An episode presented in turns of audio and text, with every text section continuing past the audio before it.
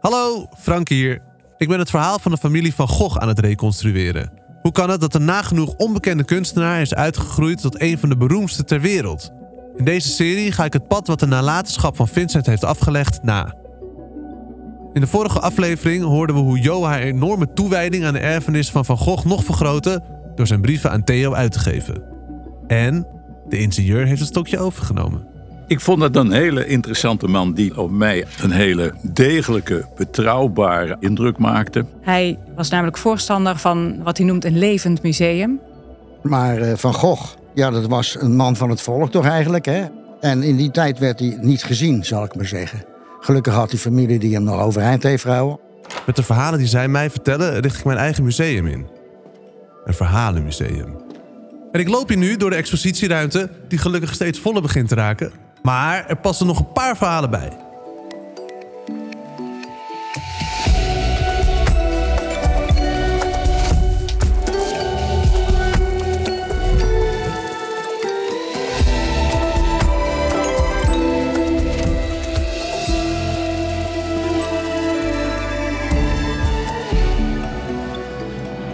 De oorlog raast door Europa. Er vallen bommen. Nederland is een andere plek geworden en de Duitse bezetter vond Van Gogh een entartete kunstenaar. Letterlijk ontaarde kunst, die niet in het nationaal-socialistische gedachtegoed paste. Veel van dit soort kunst werd door de nazi's vernietigd. Maar hoe bescherm je een collectie in zo'n tijd? Het oeuvre van Vincent van Gogh heeft na de schilder zelf al twee verschillende voorvechters versleten: Theo en Jo.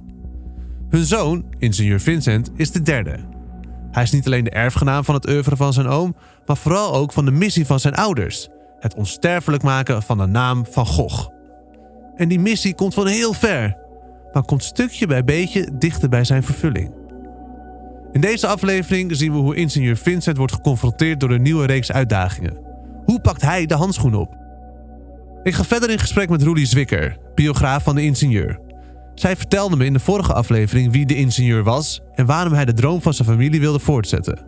Maar de grote vraag is: hoe deed hij dat? En hoe beschermde hij de collectie in de oorlog? Ja, gelukkig hebben ze dat goed doorstaan. Uh, dankzij het Stedelijk Museum. De nazomer van 1939 vanuit het museum naar lichterschepen uh, gebracht. En lichterschepen, dat zijn uh, schepen die niet heel erg diep liggen. Die lagen aan de haven van Amsterdam. En daar is onder andere de Van Gogh-collectie uit het Stedelijk Museum. En, en dus heel veel andere werken uit het Stedelijk. Die zijn naar die schepen gebracht. In het geniep, zonder dat iemand het wist? Uh, ja, nou ja, ze, mensen zullen het wel gezien hebben dat er uh, vrachtwagens rondregen. Ik weet het nog niet precies. Nee, maar nee, nee. De, de, oorlog was nog niet aangebroken in Nederland op dat moment. Maar ze namen voorzorgsmaatregelen. Kort voor de oorlog werden alle werken overgebracht naar een speciaal voor de kunst gebouwde bomvrije kluis in de duinen bij Castricum. Wat waren de, de alternatieven geweest? Nou ja, er waren uh, kunsteigenaren die hun collectie uh, tijdelijk naar Amerika overbrachten. Dat heb ik wel eens gelezen. Dus nou ja, overigens waren er veertien werken uit zijn collectie die waren in Amerika. In 39, die zijn daar ook gebleven. Ja, die heeft hij pas na de oorlog weer teruggezien. Dus misschien was dat een optie geweest om ze ja, uh, te laten vervoeren naar, naar een plek waar het wel veilig was. Ik weet het niet wat hij anders had gedaan. En hoe was de, de Tweede Wereldoorlog voor hemzelf, voor, voor de ingenieur? Ja, en het eindigde voor hem heel tragisch met de dood van Theo. Aan het eind van de oorlog uh, wordt zijn zoon vermoord door de Duitsers. Ja. wat doet het met de ingenieur?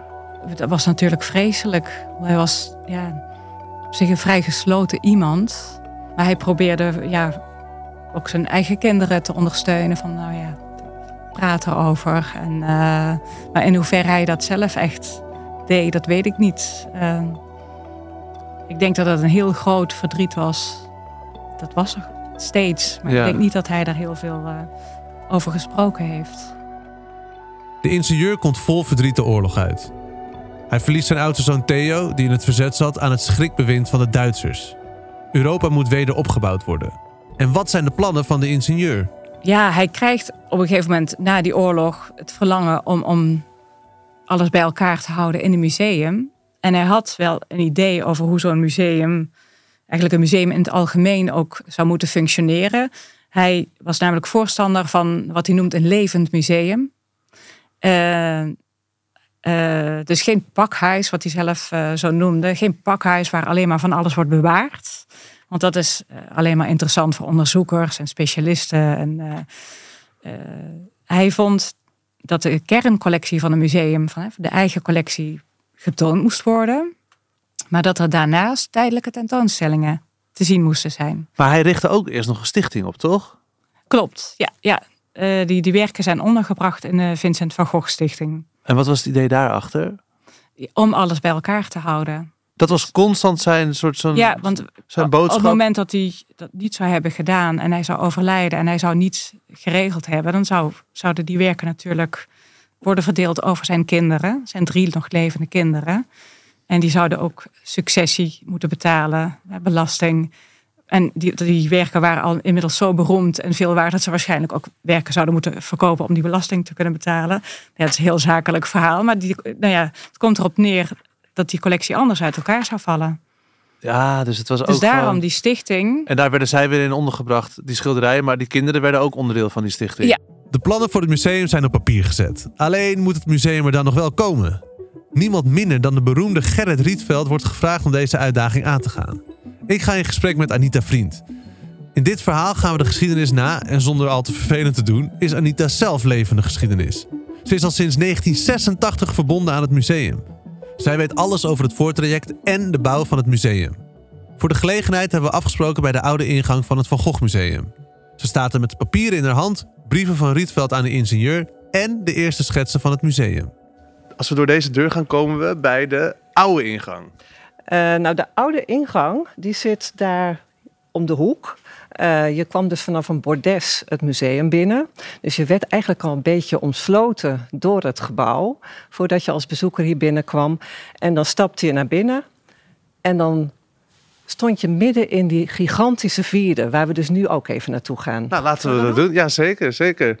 Gaan we door twee grote klapdeuren. Dus eerst kwam je van links, nu kom je van rechts, van de roltrap. Ja, precies. En wat was het idee? Want je had het al over, je stond op een soort bordes. Wat was het idee daarachter, dat je al omsloten werd door het gebouw? Nou ja, dat is ook een beetje zoals Rietveld heel veel van zijn uh, openbare gebouwen ontwierp. Bijvoorbeeld de kerk in uh, Uithoren en uh, verschillende tentoonstellingsgebouwen die hij op dat moment al had ontworpen. Dus je had een soort luifel, dan stond je ook lekker even uit de wind voordat je naar binnen ging. En dan begon het. Ja, dan kwam een soort van de, de zee ging open. Precies, ja. Nou ja, en hier, dat, het is denk ik heel overweldigend geweest voor mensen die hier voor het eerst kwamen, want het was ook vrij nieuw om binnen te komen in zo'n grote uh, ruimte. Ik weet niet hoe hoog het is, maar het zou zomaar 15 à 20 meter hoog zijn. Oh, minimaal, minimaal, minimaal. Ik wil eigenlijk nog even een paar stappen terug naar het ontstaan van het Van Gogh Museum. Ja. Want daar was best wel veel om te doen natuurlijk. We hebben al mooie verhalen gehoord over de ingenieur die dat allemaal bedacht heeft. Hoe, wanneer is het echt begonnen met de bouw van het museum?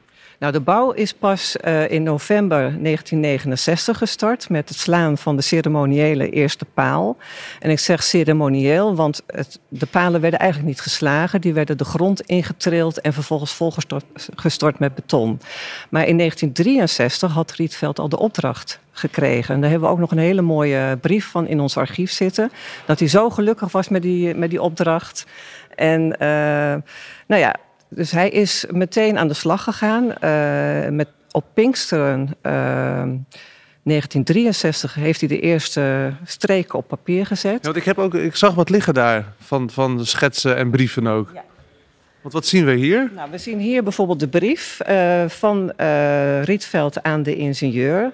En dan zegt hij: uh, Het is nu circa twee maanden geleden dat vechter van de Rijksgebouwendienst kwam vragen of ik het wilde en kon doen. Nou ja, dat. Ja, wat, wat vind je daar opvallend aan? Nou, dat vind ik heel mooi hoe hij hoe die dat zegt. Van, nou, hij kwam het mij vragen. Ja, ja, ja. Nou ja, en hij was, in die tijd was je al best een, een gerenommeerd architect. Maar eh, je ziet toch een soort nederigheid in die brief. En dat Omdat het om Van Gogh gaat? Dat denk ik, ja. ja. En dan zegt hij um, verder... Dus aan de vraag waarover ik me geen halve minuut behoefde te bezinnen om volmondig ja op te antwoorden. Het is het mooiste wat ik me maar kan denken, passende ruimte te maken om deze onvolprezen werken tot hun volle recht te doen komen. Ja, prachtig. Fantastisch, toch? Ja. Ja. En, en als we dan weer nog een stapje verder teruggaan, want hier is dan het al eigenlijk beklonken. Ja. Wiens idee was het om dat museum te beginnen? Neem nou aan, niet die van Rietveld. Nee, nou ja, kijk, eh, dat begon natuurlijk al met Jo van Gogh-Bonger. Hè, De, de vrouw van Theo van Gogh. Eh, die heeft eh, alles in het werk gesteld om dat werk bekend te maken bij het grote publiek. Dus ze heeft tentoonstellingen georganiseerd, ook verkooptentoonstellingen. En eigenlijk is dat ook door, voortgezet door haar zoon Vincent van Gogh. Dus de naamgenoot van de, van de schilder. En eh, nou ja, na de Tweede Wereldoorlog is hij zich steeds meer bezig gaan houden met die collectie. En heeft hij dus ook ervoor gezorgd dat bijvoorbeeld tentoonstellingen in, in Amerika werden georganiseerd.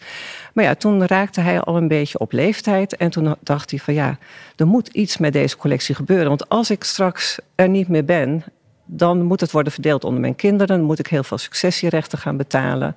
Dus het kan maar beter bijeen blijven en eh, toegankelijk eh, blijven voor eh, het grote publiek. Dus zo is dat idee eigenlijk een beetje ontstaan. En in 1959 was er een tentoonstelling in Aix-en-Provence. En daar ontmoette hij verschillende mensen van onder andere de overheid. En toen zijn zo langzamerhand die plannen tot stand gekomen. De ingenieur was natuurlijk niet voor niets de ingenieur. Tijdens het ontwerpproces en de bouw van het museum mengde hij zich sterk in de besluitvorming. Zelfs over de ogenschijnlijk kleinste dingen. Nou ja, in 1969 ging dus de eerste paal de grond in, maar toen was nog lang niet alles eh, beslist. Want heel veel zaken met betrekking tot de afwerking en de belichting moesten nog worden eh, besloten. En eh, ook getest. Dus er werd in eh, 1967 een proefgebouw neergezet, ergens in Amsterdam-Zuid. En daar werd op ware grootte alles uitgetest. Dus de bekleding van, van de wanden, de verlichting. ehm, nou ja, die lichtkoepels. eh, kwam er te veel licht binnen? Hoe stond het met de warmte? Al dat soort zaken werden uitgetest. Maar door, eh, om nu even door te gaan op de belichting. ehm, er werd geen enkele goede oplossing gevonden voor die eh, verlichtingskwestie. Want de ingenieur had wel gezegd, het moet een daglichtmuseum worden. Ja. Maar ja, daglicht is zoals je weet ook wel schadelijk voor schilderijen en tekeningen. Dus dat moest op een bepaalde manier worden geregeld dat dat aanvaardbaar was. Bovendien, zonlicht betekent warmte. Dus het kon zomaar veel te warm worden in dat gebouw. En toen had Van Tricht zoiets van... dit gaat hem niet worden, jongens. We moeten er een kunstlichtmuseum van maken. Nou, daar was de ingenieur helemaal niet blij mee. En hij was ontzettend gefrustreerd. En dat lees je ook in zijn dagboek. Van Tricht willen ons opschepen met kunstlicht.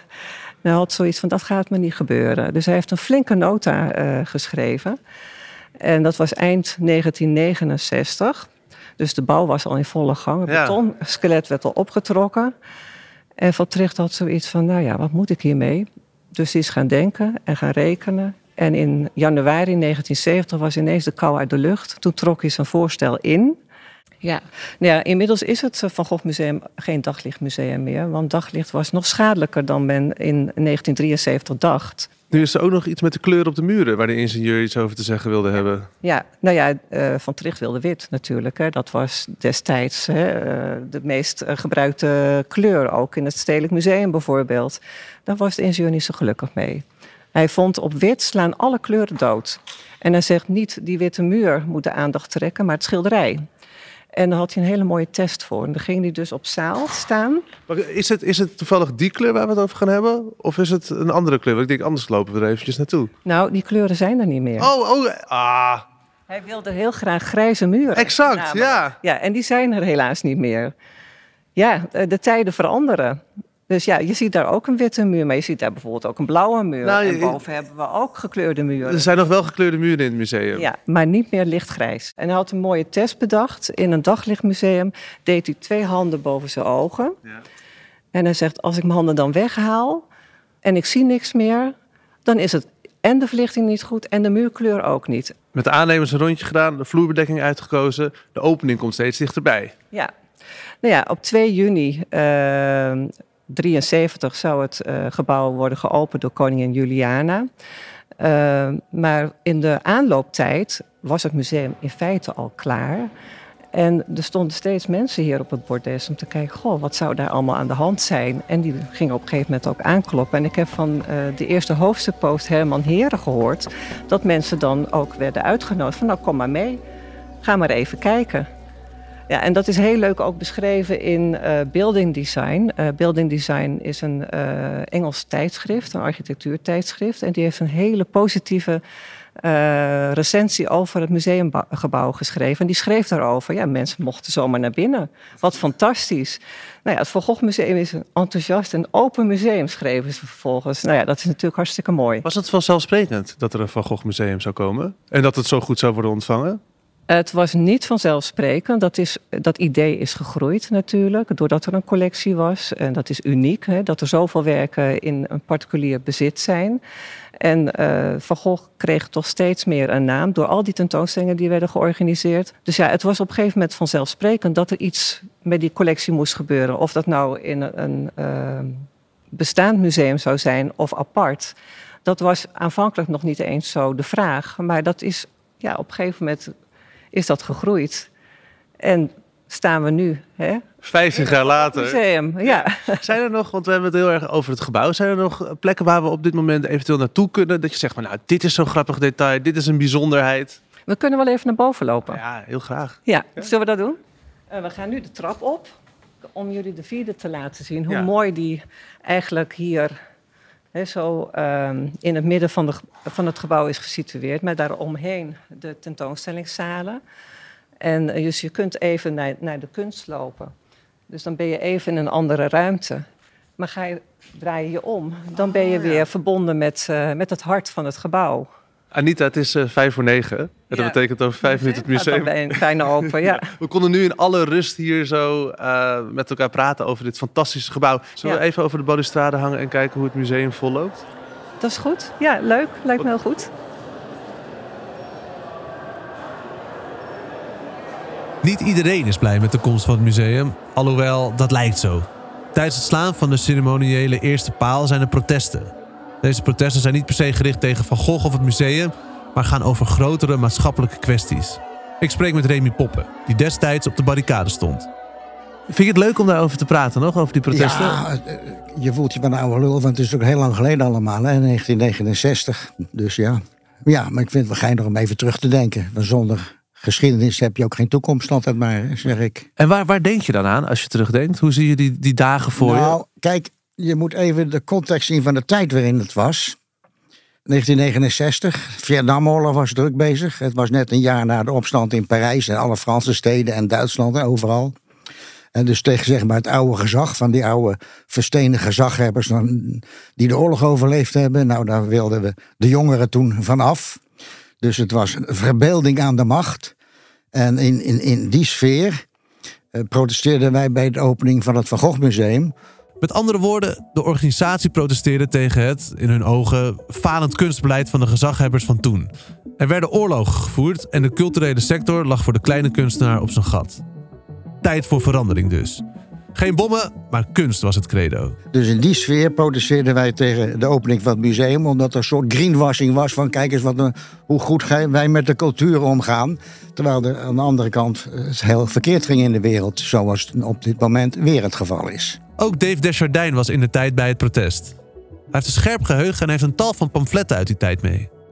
Um, ik wil heel graag terug naar de, de, de, de, aanloop en de dag van het protest bij het Van Gogh Museum. Want het draait natuurlijk om het Van Gogh Museum, deze podcast. Hoe was dat? Ja, dan moet ik toch eventjes erop wijzen dat we al een tijdje in actie stonden. We hadden namelijk al uh, het Rijksmuseum bezet, even eerder. Dat was 11, 12 eh, juni en we waren eigenlijk aan het actievoeren van 24 mei. Toen heeft eh, de beroepsvereniging van beeldende kunstenaars een telegram gezonden aan minister Klompé over het falend kunstbeleid. Dus dat ging er allemaal aan vooraf. En toen kwam de eerste steenlegging van het Van Gogh Museum. En waar we overal een beetje aanwezig waren en van ons lieten horen. We hebben ook een heel mooi eh, stencil gemaakt en met welke zal ik beginnen? Want je hebt er twee meegenomen. Een heel groot paarstensel. Oh ja, ja, wacht even. Dus, zal ik daarmee beginnen? Ja, begin. Of wil jij hem zelf even voorlezen? Het doet de BBK plezier dat het werk van Vincent van Gogh zo gewaardeerd wordt dat er nu een speciaal en duur museum voor wordt gebouwd. Van harte gefeliciteerd. Hier is het oor van Vincent terug dat hij zichzelf afsneed. Wij vinden dat ons entree tot dit kunstpaleis het oor van Vincent als geverplastiek een plaats moet vinden. Misschien helpt dat dan weer mee iets meer aandacht te schenken aan het nog immer falend cultuurbeleid. Wakker worden mensen. Wakker worden autoriteiten, voordat ook wij worden bijgezet in uw kunstmausolea, zullen wij onze oren niet van het hoofd snijden. Wij zullen ons ook geen oren aan laten naaien. Wij zullen actie voeren voor beslissingsrecht op eigen gebied, inspraak voor iedereen en openheid op alle niveaus. En, en dit nam je dus mee naar de... Dit, dit, dit, waren, dit waren pamfletten die uitgedeeld werden door. En toch, zelfs de protesterende kunstenaar, die kon zich vinden in het verhaal van Van Gogh. En dat wilde, althans wat, ik, wat mijn deelname erin betreft, duidelijk maken dat er moet geen onderscheid zijn. Het moet niet elitair zijn, maar kunst voor het volk. Dat was eigenlijk uh, de gedachte. Maar uh, Van Gogh, ja, dat was een man van het volk toch eigenlijk. Hè? Hij was domineeszoon en hij uh, mm. wilde voor de gewone mensen opkomen. Schilderde die gewone mensen ook? Hij de boeren, schilderde ook gewone ja. mensen, de postbode, fijn, noem maar op, enzovoorts. En in die tijd werd hij niet gezien, zal ik maar zeggen. Gelukkig had die familie die hem nog overeind heeft gehouden. Anders had hij al veel eerder zo afgesneden. Denk ik zomaar. En dat wordt nu eigenlijk toegeëigend door wat wij toen dachten, de culturele elite. Dat wilden wij niet tegen het museum, maar tegen de, de omgeving daarvan. Maar dat is goed om te begrijpen wel. Je protesteerde niet tegen Van Gogh. Nee, en ook niet tegen musea. Maar wel maar dat tegen er... de sfeer waarin dat, ons, waarin dat tot stand kwam. In 1973 was het dan zover. Het museum opende. Om het museum levendig te maken werden er tentoonstellingen georganiseerd in het net geopende Van Gogh Museum. Ik ontmoet Jaap Brouwer. Hij stelde de eerste ambitieuze tentoonstelling in het museum samen. Hij kende de ingenieur persoonlijk en ik wil graag van hem weten wat voor man het nou precies was. Ik vond het een hele interessante man die dus op een gegeven moment op mij A, een hele, een hele degelijke, betrouwbare, ouderwetse indruk maakte. Ik heb al eens eerder gezegd, als ik hem zag, dan dacht god, dan komt die man weer aan met dat prachtige, keurige pak, beetje sleets op de billen, een beetje glad. Het deed me denken aan uh, uh, chique boeren die uit het land van Rechter Altena komen, uit de hervormde club. Maar on, onkreukbaar en van een degelijkheid onbeschrijfelijk. En maar hoe- ook aan de ene kant heel fragiel, maar dat was hij natuurlijk door zijn leeftijd. En hoe kennen jullie elkaar? Nou, ik heb de ingenieur leren kennen omdat ik dus in eh, eh, dus 1973 de eerste tentoonstelling in het Van Gogh gemaakt heb over eh, de schilder Anton van Rappert. En omdat ik die tentoonstelling daar maakte, heb ik dus veel met de ingenieur te maken gehad. Want die heeft een hele belangrijke rol gespeeld eh, in het ontstaan van het museum, maar ook in het behoud van de collectie en eh, noem maar op. Ehm, wat heeft hij goed gedaan als je kijkt naar het, het, het, de nalatenschap van Van Gogh? Ik denk dat de ingenieur eh, eigenlijk heel goed bezig is geweest. En hij wilde eigenlijk een museum maken. eh, waar, van een museum wat geen mausoleum moest worden. Wat grote groepen van de bevolking eh, zou helpen en bevorderen om meer aan cultuur te doen. Het museum moest een sociale plaats nemen, innemen in Amsterdam. De familie van Van Gogh speelt een grote rol in, zijn, in zijn bekendheid, in zijn wereldfaam. Ehm, en ook zo eh, het museum. Jij was erbij in 1973 bij de opening. Ja. Kan je mij eens mee terug in de tijd nemen? Dat valt om de dode donder niet mee, zeggen na, na 50 jaar, jaar later. Want dan denk je, ja, dat was natuurlijk een geweldige opening met, met de koningin erbij. En alle belangrijke mensen. En natuurlijk wat er toen aan, aan, aan familie was. En het was wel een, een, een soort, ja, een keurige, een keurige eh, happening. Maar was er een bepaalde opwinding op die dag? Niet alleen voor jou, maar ook voor de ingenieur?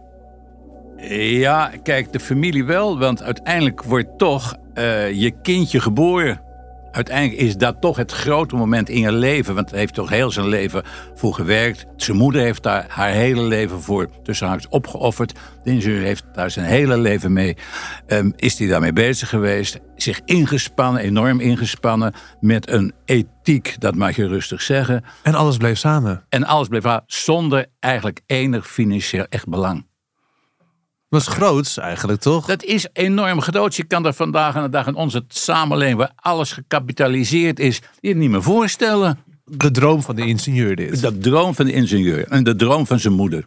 Het is een mooie erfenis en het is een vervelende erfenis. Want hij had zware- geen keuze ja, eigenlijk hij ook, had toch? geen keuze, een zware last waarvan hij heel langzaam zich bewust is geworden eh, dat dat eigenlijk zijn, ja, een stuk van zijn leven zou zijn. En dan gaat hij ook al heel vroeg functioneren als de ingenieur. Want hij moest zich natuurlijk on- onderscheiden als de ingenieur. Want iedereen zei, ik ben Vincent van Gogh. Dan denken die mensen, hoe zit het precies? Dus daar, nee, begrijp je heel goed dat op een gegeven moment de naam ingenieur komt. De ingenieur. Want daarmee kreeg je dus op een gegeven moment een, een, een verschil tussen beiden. En ingenieur was meteen ook, zeg ik denk, was een kwalificatie in die hele kunsthistorische wereld. Dat hij toch een zekere een grote portée had. De aflevering sluit ik af met Roelie. Want nu het museum open is, is de missie dan ook voltooid. Ja, het, het was bij elkaar voor altijd. En het was toegankelijk voor iedereen. En dat was zijn doel. Ja, ja.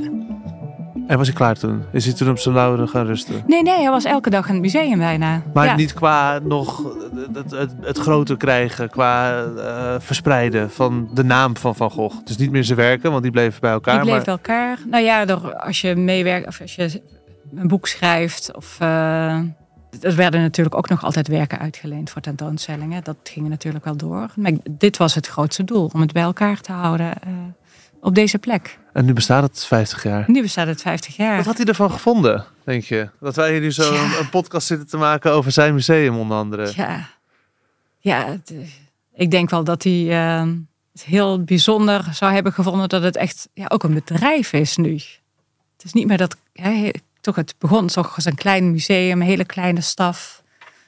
En nu is het echt wel eh, groot. En van de, de, de muismatten en de, wat had hij daarvan gevonden? En de Playmobil poppetjes van Vincent van Gogh? Tja, dat weet ik niet. Ja, jij, bent, jij, jij kent Ja, hem, ja, jij ja. kent hem het best. nou ja, ik denk dat hij in de tijd dacht natuurlijk niet veel verder dan eh, reproducties eh, verkopen. Eh, ik denk dan vooral van, oh, wat zou hij ervan vinden dat nu zijn eerste achterkleinkind al in het bestuur zit. Dat is toch de, zijn intentie geweest van om hè, de hele familie betrokken te houden. Nou ja, is het misschien ook dat los van de werken bij elkaar houden, de familie bij elkaar houden? Ja, ook. Ja, dat, dat heeft hij toch bewust zo gedaan. Het werk is nog steeds bij elkaar Ja, en de en familie, de ook. familie eh, is ook nog steeds betrokken. Ja, dat is toch wel heel bijzonder. De kunst, de familie en de missie is verenigd in één museum. De grote droom van Vincent, Theo en Jo is verwezenlijkt. De ingenieur kan met trots terugkijken op een geslaagde campagne. Zijn slimme strategie heeft ervoor gezorgd dat iedereen die dat wil, de kunst van Van Gogh kan zien. Het verhaal van deze aflevering voor In Mijn Verhalenmuseum is het verhaal rondom de details van de ingenieur bij het bouwen van het museum. Want Stond jij er ooit bij stil dat er een enorme discussie gaande kan zijn over kunstlicht en daglicht? Over welke kleur er op de muren moet worden gesmeerd zodat de kunstwerken het best uitkomen? Ik niet. En juist die details zijn zo belangrijk voor het museum. Dus dat detail wil ik toevoegen aan mijn verhalenmuseum. Vincent wordt vanaf hier alleen maar beroemder en beroemder. Hoe ging dat? En hoe is de familie nu nog betrokken? En is er ook een keerzijde aan Van Gogh als wereldster? Het is lastig om terug te denken wat het museum eigenlijk was in eh, 1973. Maar het is goed om in de gaten te houden dat het een museum was wat gebou- gebouwd was voor 60.000 mensen. Ja, maar er is nooit eigenlijk schade geweest. Er is wel bij grootvader is, eh, brand in huis geweest. En toen zijn een, een aantal tekeningen, die waren nat geworden. En die hebben ze toen in een veldje wat voor het huis was, hebben ze die in de zon te drogen gelegd. Dit hoor je in de volgende aflevering van Van Gogh en de weg naar wereldroem.